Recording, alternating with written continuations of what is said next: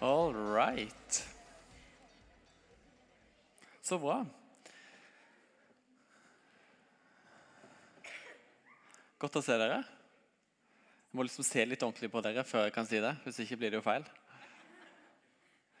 Jeg heter eh, Geir Loftesnes, og jeg jobber her i menigheten med ungdom. Og det elsker jeg. Jeg er gift med Hanne Therese og har to barn som heter eh, Lykke Dorothea og Timoteus Fred.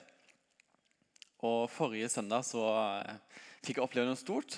Da ble Timoteus Fred døpt her i menigheten. Tatt inn som Guds barn. Det er stort å oppleve, altså. Virkelig. Jeg hulker alltid sammen på sånne ting. altså. Jeg holdt på å si et nervevrak. Det er ikke helt riktig, men jeg blir veldig emosjonell.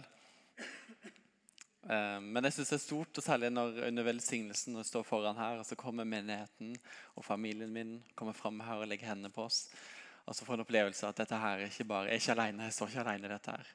Dette gjør jeg sammen med dere. Så takk for det, at jeg fikk gjøre det sammen med dere.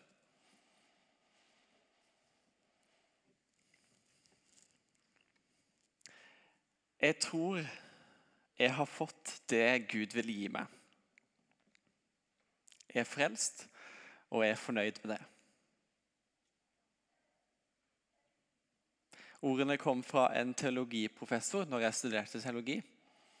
Og Han hadde konkludert med at det egentlig ikke var mer å hente hos Gud. Frelse og himmelbillett check. Han hadde fått det han kom ned på jorda for. Og eh, tanken på at Gud hadde mer for ham, at han skulle lengte eller søke etter Gud, søke etter Guds ansikt, det virka litt sånn opplevdes strevsomt. Jeg vet ikke hvor du er, Kanskje du kjenner deg litt igjen i det? At du er fornøyd med det du har fått, og slått deg litt til ro med det?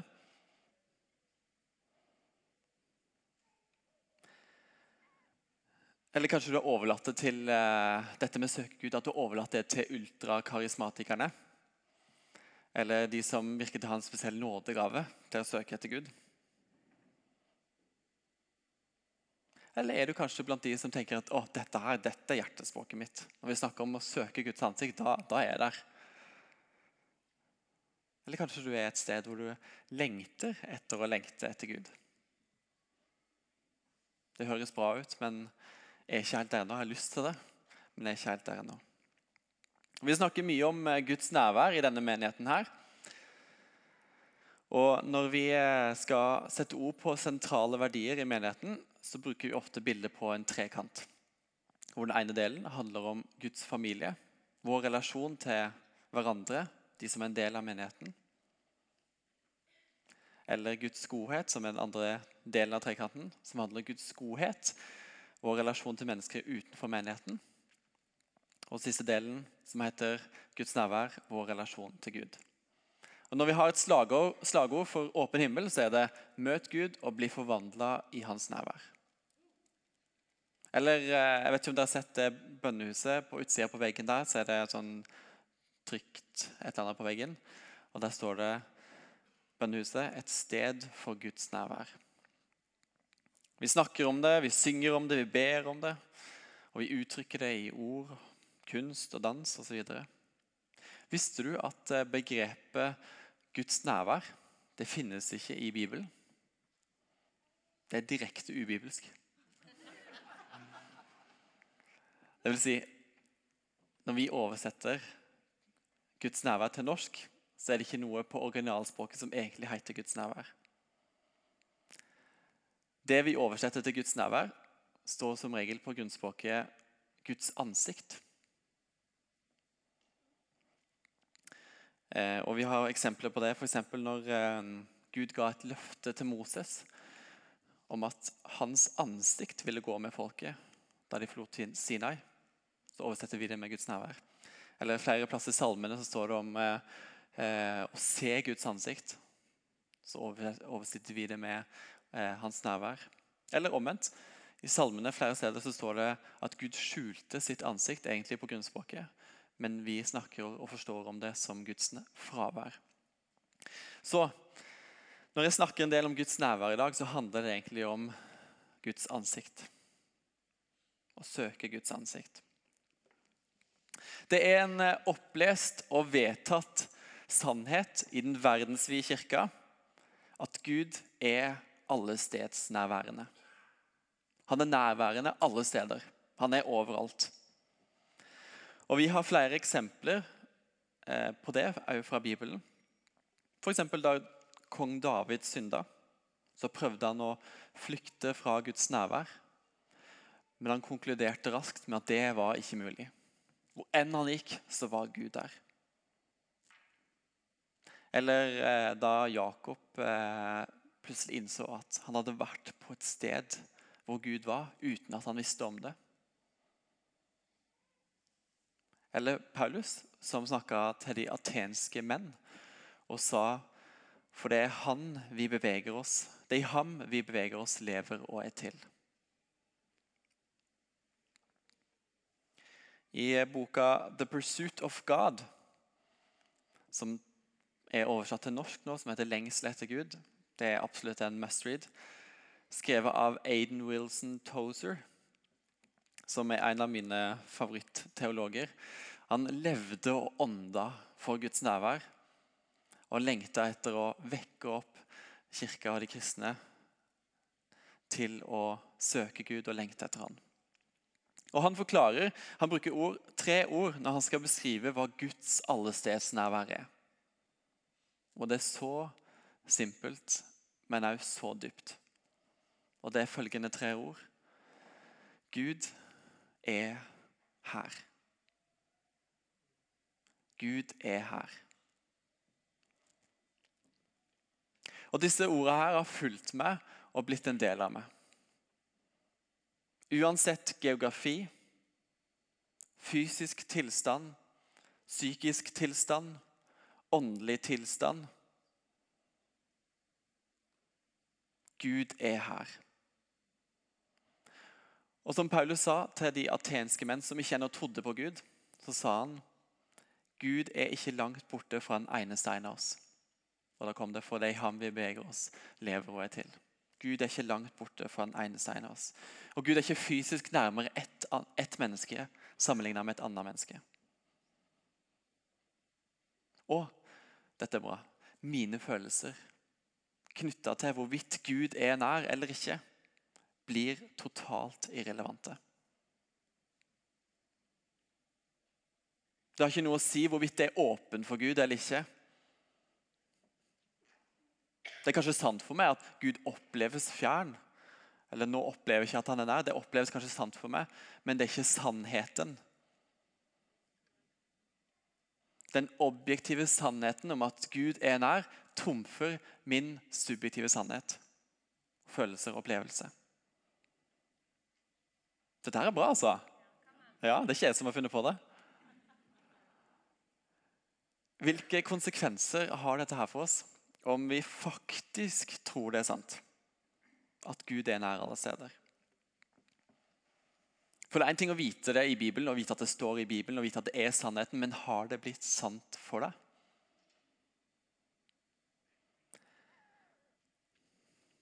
Dette har gjort eh, mye med bønnelivet mitt de siste to åra. Og mitt utgangspunkt har blitt takken. Den mest bedte bønnen i mitt liv har lenge vært Kom, Hellige. Og Jeg bedt det mange ganger daglig. Og Det er blitt et, et sånt sukk i hjertet mitt som, som, jeg kan si til enhver tid. Som egentlig bare uttrykker en lengsel etter Gud, etter å være nær Han og lengsel etter mer av Gud. Som binder både meg sjøl på at jeg vil det, og binder Gud på at jeg vil det. Være nær Han. Og Det er ikke noe feil med den bønnen i det hele tatt. Det er en flott bønn som nettopp uttrykker den lengselen. Og Det står i Bibelen om at vi skal bli stadig fulgt av Ånden. Så det har vi tro på. Men etter hvert så har jeg, har jeg snudd litt på den bønnen, for det handler litt om mitt perspektiv på det. Så jeg begynte å be Takk, Hellige Ånd, for at du er her. Og Ikke hør dette her som motsetning, men det handler litt om perspektivet. er holdningen min at jeg må be han ned og invitere han til å komme for at han skal komme? Nei, det tror jeg ikke. Jeg kommer til den overbevisningen om at eh, min bønn kreves ikke for at Gud skal komme nær. Takk, Hellige Ånd, for at du er her har blitt en påminnelse nettopp at han er her allerede. Han har kommet i forveien, han har kommet meg i forkjøpet. Han er her i en hvilken som helst situasjon jeg går inn i. Han er her allerede, og jeg takker deg for at han er her. Takker deg, Hellige Ånd, for at du er her. Og Jeg vil be ut fra et sånt bibelsk perspektiv om at hans sannheter er sannheten og skal bli sannheten for meg.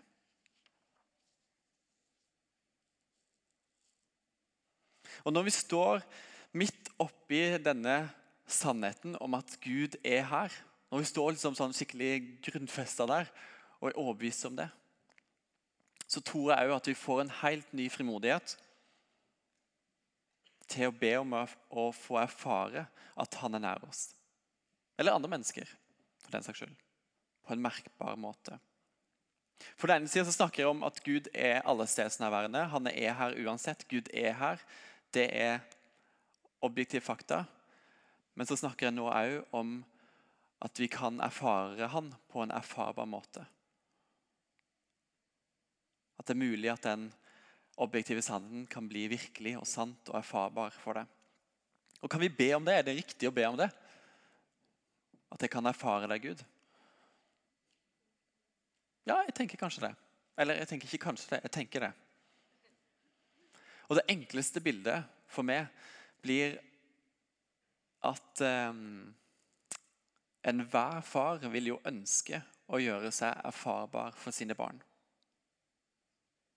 Jeg vil jo at mine barn virkelig skal erfare at det er nær dem, og at det er til stede. Og at det, de, at, det er, at det, er, det gjennom livet. At når jeg er på slutten av livet, så er det deres opplevelse av meg. At jeg har vært til stede, jeg har vært nær. Og hvis Gud er en god far, så tror jeg det er et prinsipp som gjelder han. Han ønsker å vise at han er nær oss. Han ønsker å gjøre seg erfarbar. Og jeg tror Gud gleder seg og en sånn lengsel i våre hjerter som, som ber bønner som Gjør deg synlig for meg, Gud. La meg få kjenne deg. Vis deg for meg.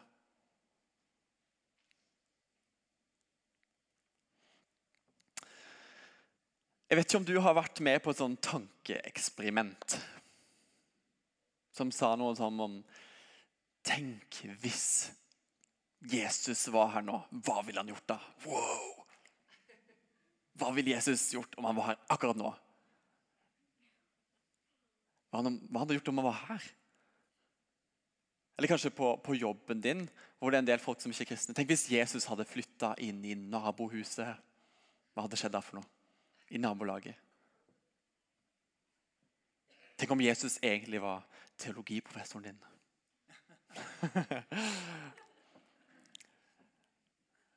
Og hold dere fast. Er dere klar for noe? Dette her er bra. Ok? Det er ikke et tankeeksperiment. Det er sant. Jesus er her nå. Det er ikke bare et tankeeksperiment. Merker dere at det perspektivet skaper tro? Det er ikke bare sånn 'tenk hvis jeg', men det er reelt. Tro for gjennombrudd og tro for Guds inngripen i ulike situasjoner. Bevisstheten om at Gud er her, at han er nær oss, skaper tro på at Gud vil la sitt ansikt bli synlig for oss. Sitt nærvær blir synlig for oss på en erfarbar måte. Og Bibelen er sprekkfull av historier på at det har skjedd. Bibelen handler jo om det, om Guds møte med mennesker. Hvordan han har gjort seg erfarbar for oss. Og Kirkehistorien etter Bibelen er sprekkfull av disse historiene som fortsetter. Jesus lever, Gud lever, Den hellige ånd lever. Halleluja, kan vi nesten si, selv om vi ikke er pinsemenighet. Han griper inn og søker hans ansikt. Det handler òg om å ha en lengsel etter hans inngripen. Som på mange måter er en sånn manifestering eller en synliggjøring av hans nærvær. Det kan være å be om at han skal tale til deg. Be om helbredelse eller at noen skal bli frelst, komme til tro på Gud. Eller på en annen, inngripen i livet. Tenk deg, hva ville dette perspektivet ha gjort med oss hvis vi virkelig trodde at Gud er her, at han er her overalt? F.eks. i møte med oss sjøl når vi skal be for mennesker som ikke har kommet til tro ennå. For det er viktig for oss. Det, vi tror at Gud har så mye godt for oss. Og for de mennesker som ikke kjenner han ennå. At vi ber om det. Og hva har det å si for oss hvis vi tror at han er der allerede? Eller for de familiemedlemmene våre som vi ber for om fortsatt skal komme til tro. At vi nesten har gitt opp. Han er ikke langt borte fra en eneste en av oss. Jeg merker for min del at det gjør noe med perspektivet. Han er med den naboen eller kollegaen eller familiemedlemmet allerede. Selv om ikke de er bevisst på det. Uavhengig om de er bevisst på det eller ikke. Men han er der allerede.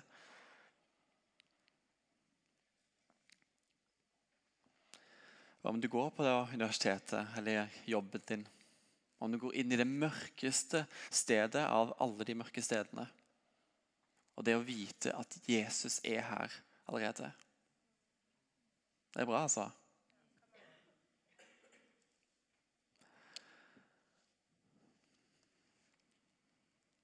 Og i noen kristne kretser, kanskje mer før enn nå,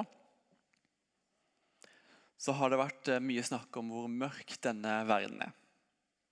Om alt det onde, alt det syndige osv. Og, og ja, det kan være sant, og det er nok ofte sant. Men snakk om feil perspektiv. Hvor lett er det ikke å miste motet da? Hvis fokuset er alt det mørke, alt det onde.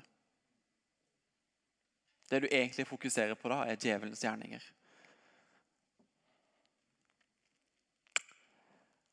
Hva om du snur på det og heller tenker hele jorda er full av hans herlighet, som det står i Bibelen. Hele jorda er full av hans herlighet. Hele jorda er full av hans nærvær. Da kommer troa. Da forsvinner frykten, mismotet. Så kommer troa, så kommer forventningen om at det kan skje noe her. Gud er jo her. Og Dette har gitt meg frimodighet i, i møte med f.eks. bønn for syke. Når jeg ber om helbredelse eller Guds inngripen på en annen måte. Jeg synes jeg var opptatt av liksom, hvordan skal jeg formulere meg når jeg ber. Skal jeg si 'smerten forsvinner i Jesu navn'? Eller skal jeg si 'kom med din helbredende kraft, Gud'? Hva er riktig? Skal jeg tale smerten? Skal jeg, snakke, skal jeg be om Gud skal komme? Hvordan, hvordan er det? Og så er det litt sånn at Jeg kan slappe av med akkurat det der. Det har ikke så veldig mye å si hvordan vi ordlegger oss. Det handler ikke om teknikker, språk, og heller ikke om min tro eller tilstedeværelse. Jeg kan være ganske fjern av og til i sånne settinger. Og så handler det ikke om det, fordi Gud er til stede. Han er der. Han er nær. Da kan jeg be i, i frimodighet og den, be i den overbevisningen.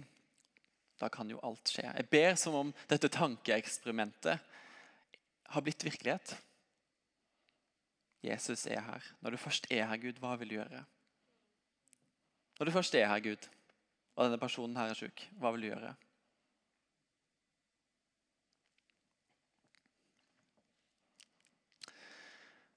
Jeg skal fortelle dere et par historier, oppmuntrende historier om hva Gud har gjort i det siste. Eh, helbredelsesrommet tidligere i måneden. Vi har, vi har et helbredelsesrom som er åpent hver lørdag i menigheten fra 10 til 12 hvor folk kan komme og bli bedt for. Og òg bare være i lovsang og eh, være i hans nærvær, som vi sier. Da skal jeg fortelle at eh, i morgen var det en eldre mann som satt i rullestol og hadde vært alvorlig syk gjennom mange år.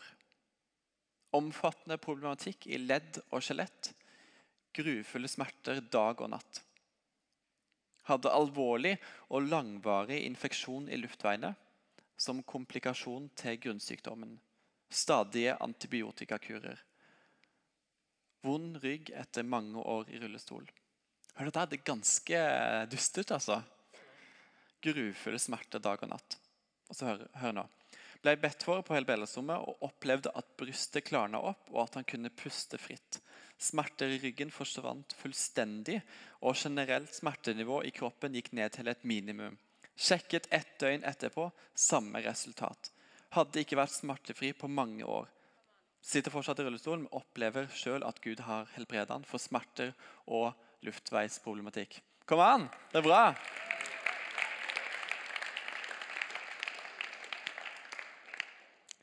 Skal jeg lese en annen historie? Jeg elsker deg, Geir. Du er den flotteste Nei, det var kona. Ja, ja. Skal vi se.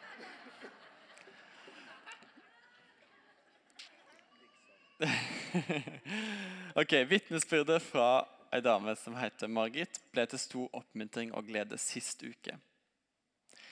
Margit var innom her på lørdag på kurs i indre legedom. Og Så oppdaga hun at vi hadde et helbredelsesrom.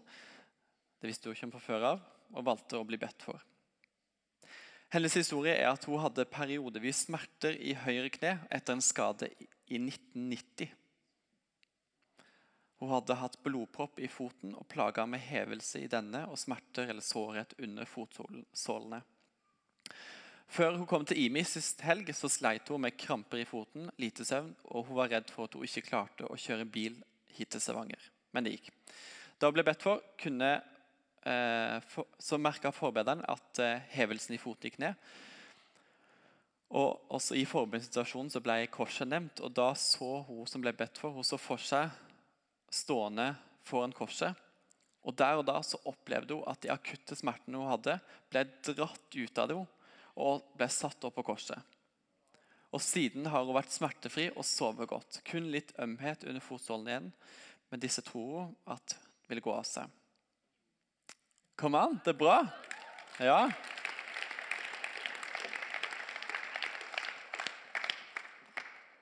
Kom an. Gud er her. Han gjør ting til og med i Norge.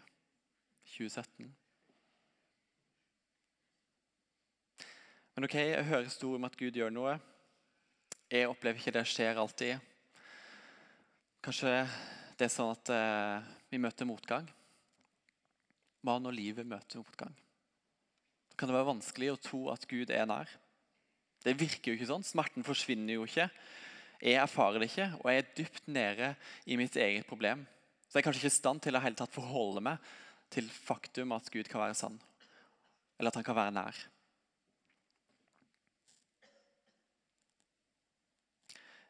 Jeg, den gang jeg var ung, så eh, hadde jeg noen tunge år. I, fra tolvårsalderen oppover. Og jeg var, eh, jeg var langt nede tungt depressiv. Hadde lyst til å avslutte livet. Og når jeg ble kristen, så, eh, så, jeg kjempet, så måtte jeg kjempe litt med dette. Hvor var du, Gud, i dette her? Når jeg opplevde det, disse tingene, når jeg kjente på denne smerten, på dette mørket. Hvor var du en dag, Gud?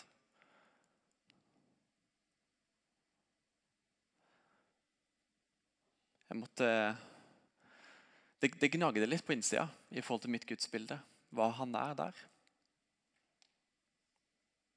Så opplevde jeg når jeg var 19-20 år, og før jeg kom til IMI, så, så, traff jeg på en mann som ga meg et profetisk ord. Et ord som han opplevde Gud si til han, som gjaldt meg. Og det traff meg så grunnleggende om dype ting i mitt liv som jeg ikke hadde sagt til noen andre ennå. Det rørte meg på dypet. Fordi tanken på at Gud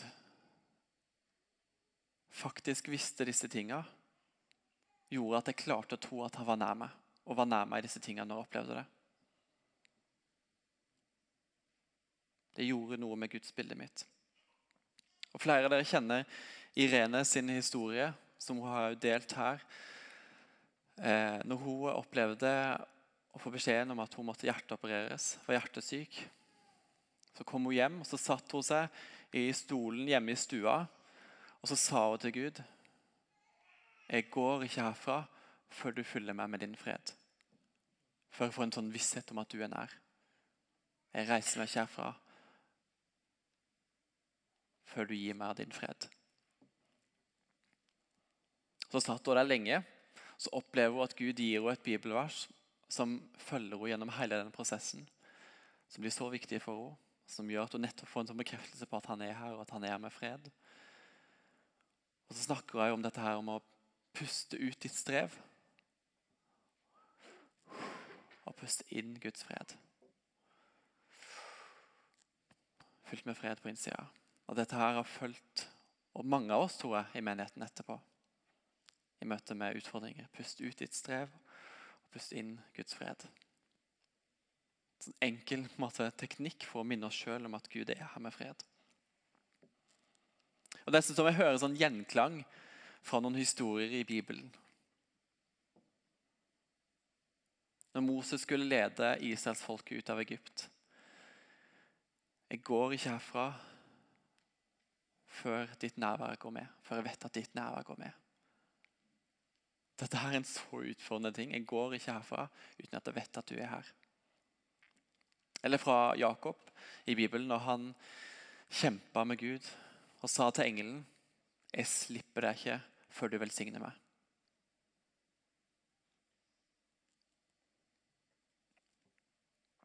Jeg går ikke videre i livet før sannheten om at du er nær meg, har blitt sant for meg og har blitt til erfaring for meg nå. Nå møter jeg motgang, og da er jeg nødt til å kjenne at du er her. Og Så sitter det kanskje folk her inne som tenker ja, ja, det høres bra ut, ting, men du kjenner ikke min, min smerte, du kjenner ikke mine utfordringer. Nei, det gjør jeg ikke. Og det har jeg så respekt for. Men jeg har lyst til å gi, gi deg håp til å kunne tro at Gud er nær du òg. Og at du kan erfare det for den smerten og de utfordringene som du møter akkurat nå i livet. Men det er jo de utfordringene som du opplevde tidligere i livet. At Gud var nær deg der òg. Og jeg vil at det skal bli sannheten for deg. Og Hvis jeg var du, så ville jeg ikke gitt opp før det hadde blitt sannheten for deg. For det vil ha en helt avgjørende betydning for du i ditt liv, og òg i livet ditt med Gud.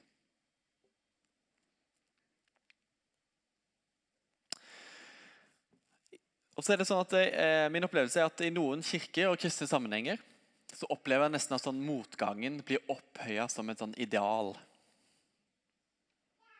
Noen hevder at det går ikke an å ha tro uten å tvile. Det snakkes om at uh, i mørket da, da virkelig da, kan Guds lys skinne. Eller at vekst og beskjæring det gjør alltid vondt. Motgangen, du om sånn, motgangen var det eneste stedet vi kunne møte Gud. Og Dersom vi lengter etter å møte Gud, ja, da må vi tilbake til motgangen. Der var han. Jeg leste en artikkel i Vårt Land denne uka som var skrevet av Sofie Braut.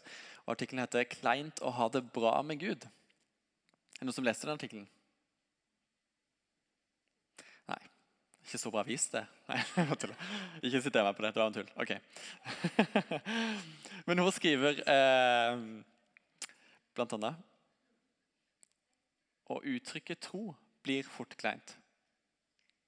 Vi er, som nevnt, oppflaska til skepsis på dette feltet. Det er rart, men en samtale om at Gud blir borte, om tvilen som erstatter tro, kan virke mer ærlig og åpen enn samtaler om at Gud virkelig kjennes nær. Ganske interessant. Godt sagt. Jeg tror det er mange som kjenner det igjen. Det er rart, men en samtale om at Gud blir borte, eller om tvil som, som erstatter tro, kan virke mer ærlig og åpen enn samtaler om at Gud virkelig kjennes nær. Vi må ikke slutte å fortelle om når vi opplever at Gud er nær. Det skaper tro og frimodighet. og Det er like ærlig og like sant som motgangen. Det er ikke feil at Gud møter oss i motgangen. for det har nettopp om at både jeg har erfart og andre har erfart, og at vi må være ærlige når vi møter motgang og tvil. og sånne ting. Men vi må òg være ærlige i medgangen. Og vi må ha tro på at Gud ikke er så snever at han ikke møter oss når vi har det godt. Vi må glede oss av å ha det godt. Det er ikke et problem å ha det bra. Bibelen sier at vi skal gå fra herlighet til herlighet. Og vi kan ha tro for å møte Gud nettopp i de gode dagene.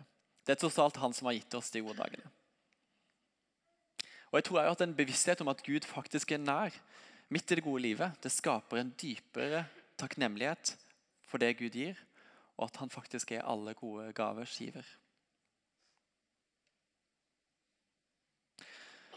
Hør dette her. Guds lengsel etter å være nær oss er langt større enn vår lengsel etter å være nær Han. Alltid. Hans lengsel etter oss er alltid langt større enn vår lengsel etter Han. Gud er ikke fjern, han er ikke langt borte fra han eneste en av oss. Men han lengter etter å møte oss i alle livets faser. I Jeremia 29 så leser vi løfter knytta til det å, å, søke Gud. Og Det er skrevet, eller det er sagt i en kontekst av et eh, folkeslag som var kommet bort fra Gud. Det er kommet bort fra det lovede land og var i eksil i Babylon. Og Da hører profeten Jeremia Gud si følgende til folket sitt. Husk nå, håpet er på det laveste. For jeg vet hvilke tanker jeg har med dere, sier Herren. Fredstanker og ikke ulykkestanker. Jeg vil gi dere framtid og håp. Det, blir, det blir litt sånn, sånn klisjé, for vi har hørt det flere ganger. Men tenk det, det sier Gud i denne konteksten. Men hør videre.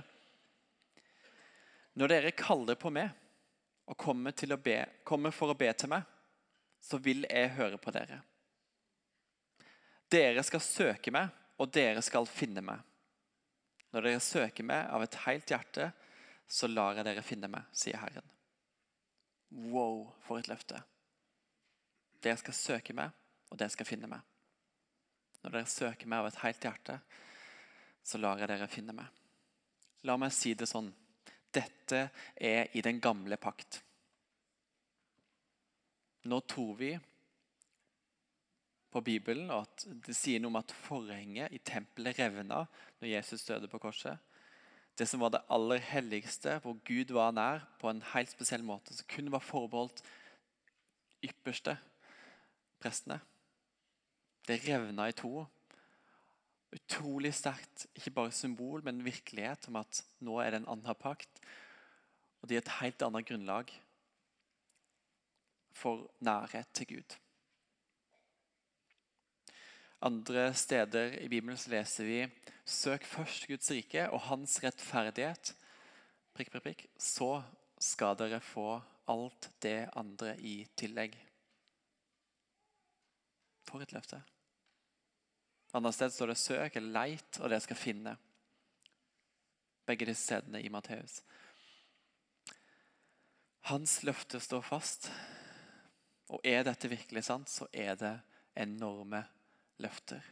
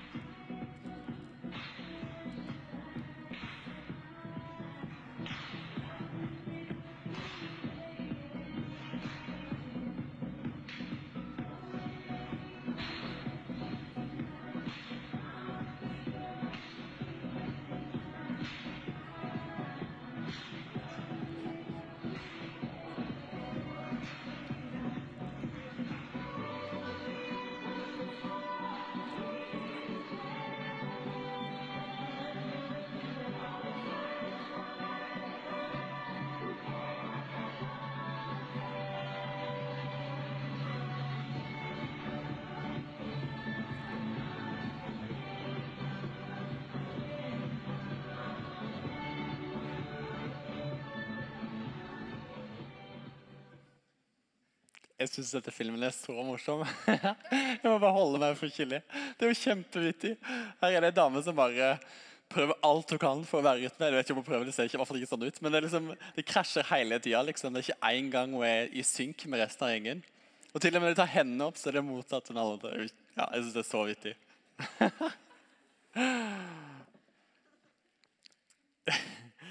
når, vi, når vi snakker om å søke Guds ansikt, så handler det om en hjerteholdning. En innstilling som vil søke Gud. Er hjertet vårt opptatt av det? Lengter vi etter det? Er det noe vi ønsker? Og Da tror jeg det automatisk vil materialisere seg i hvordan vi bruker tida. Hva vi prioriterer av tid og penger, relasjoner. Hvor vi har en sånn drivkraft. Da vil vi dukke opp på denne her dansetimen, selv om vi ikke skjønner alt. Det er ikke så nøye om vi alltid får det til, eller sånne ting, men vi har en holdning om at vi, vi er der. Vi, vi, ønsker å, vi, ønsker å, danse, eller vi ønsker å, å søke Gud. Ønsker å, å være nær Han.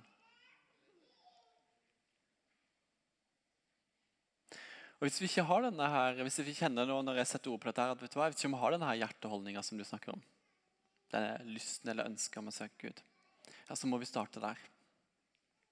Gud, gi meg et sånt hjerte som vil søke du. Som søker ditt ansikt. Og hjelp meg å ta gode valg som er i tråd med denne bønnen. Så det handler det òg om. Og Det kan det handle om uansett om vi har en lengsel etter å møte Gud eller ikke. Men det handler om å ta valg. Um, la det aldri komme til opp til vurdering hvorvidt du skal på gudstjeneste på søndag eller ikke. Da er det så lett å bli styrt av følelsene dine og hvorvidt du er sliten eller så videre. Men du, vi trenger det. Jeg trenger det. La det bare bli en fast vane, en fast rutine.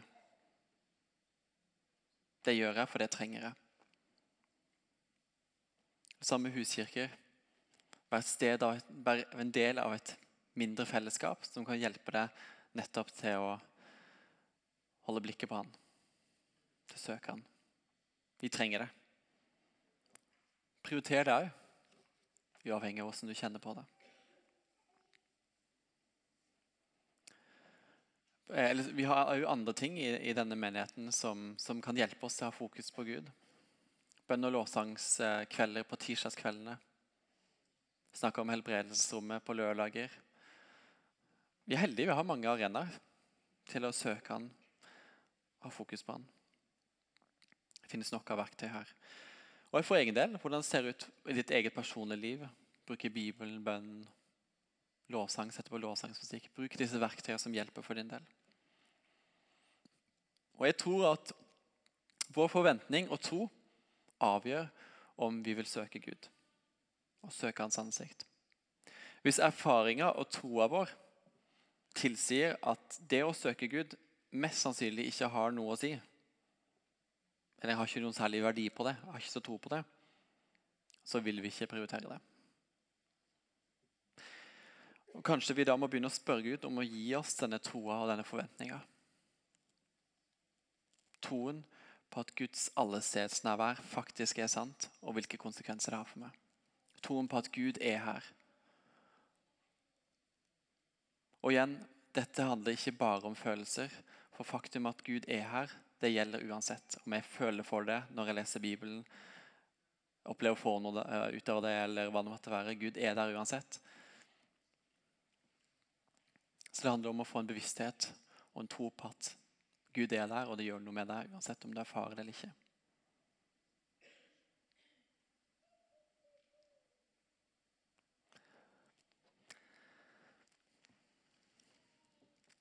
Kan vi ikke reise oss opp, alle sammen?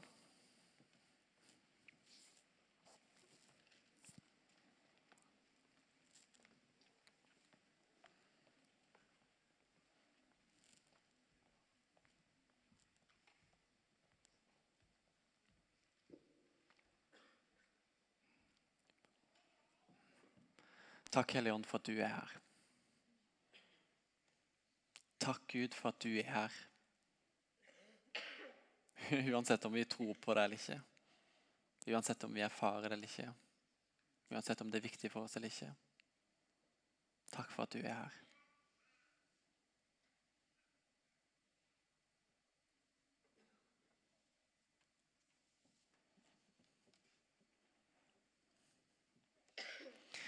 Kanskje du kjenner på at eh, du trenger å oppdage på ny at Gud er faktisk nær i alle livets omstendigheter. Kanskje du trenger å erfare det for motgangen. Kanskje du kjenner på ting nå som eh, er utfordrende i livet ditt. Eller når jeg har delt noen tanker nå, at du har tenkt på ting du har opplevd tidligere i livet. Og dukker opp en sånn type usikkerhet på om Gud faktisk var der.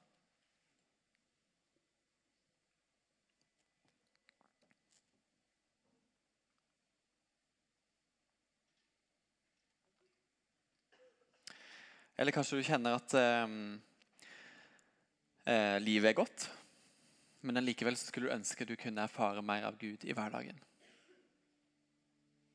Jeg trenger deg, Gud, midt i de gode dagene som er fylt med takknemlighet.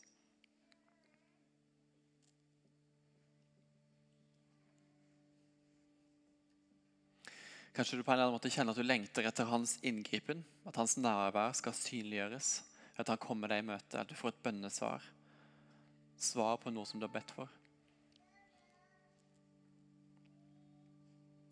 Eller kanskje du er et sted hvor du kjenner du nesten har lagt bort denne lengselen etter Gud og det som har med å søke etter Gud og gjøre, søke hans ansikt.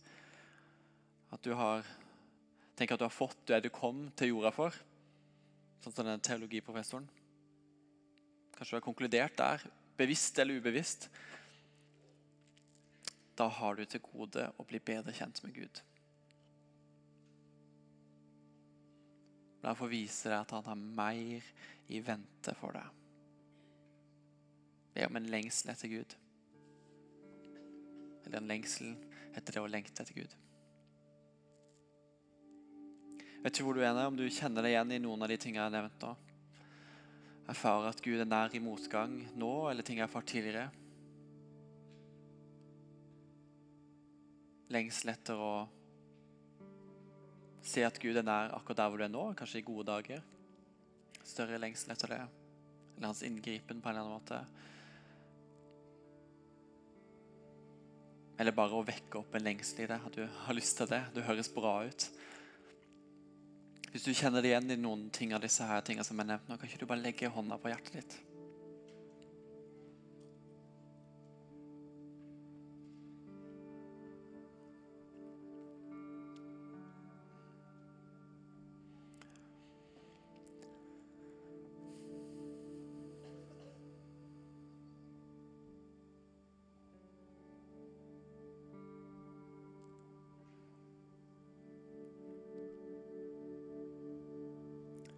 Det først bare være litt stille, så kan du sette ord på de tingene du kjenner på i møte med Gud.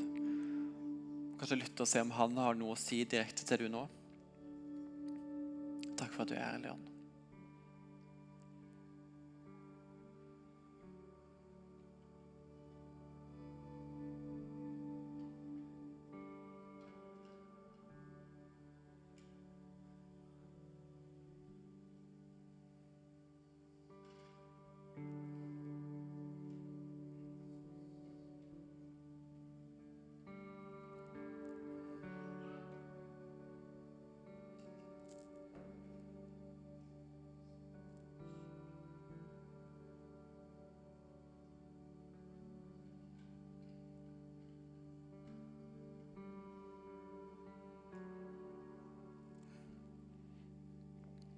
Helligånd, vi ber om at dette skal bli virkelighet for oss. At vi kan tro at du er nær nå.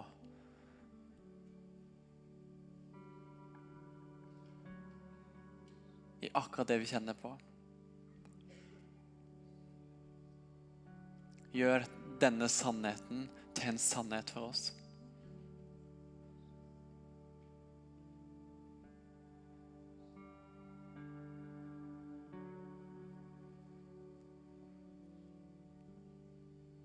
Som jeg ba på forrige gudstjeneste, ber om at når vi går inn i mai måned, så har vi et nytt perspektiv på noen av disse tingene her. Og at det vil følge oss videre. Et perspektiv og en tro på at Gud er her. Og hva det har å si for meg, og hva det har å si for omgivelsene mine.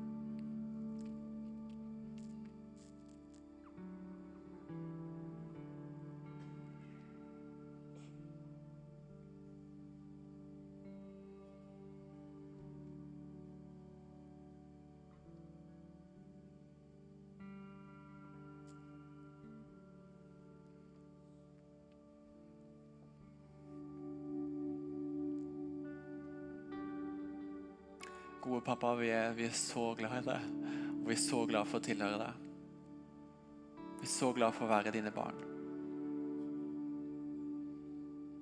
Det var ei som delte et bilde på forrige gudstjenesten om at hun så for seg at uh, Gud var den personen som så et nyfødt barn og var helt oppslukt i det.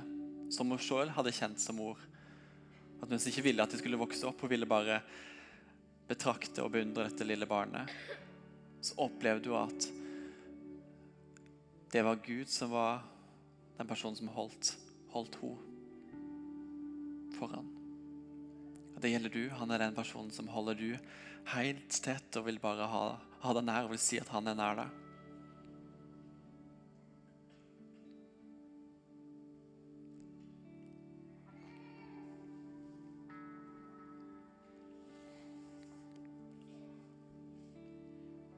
La meg bare gjenta Gud er her. Gud er her. Gud er her. Gud er her.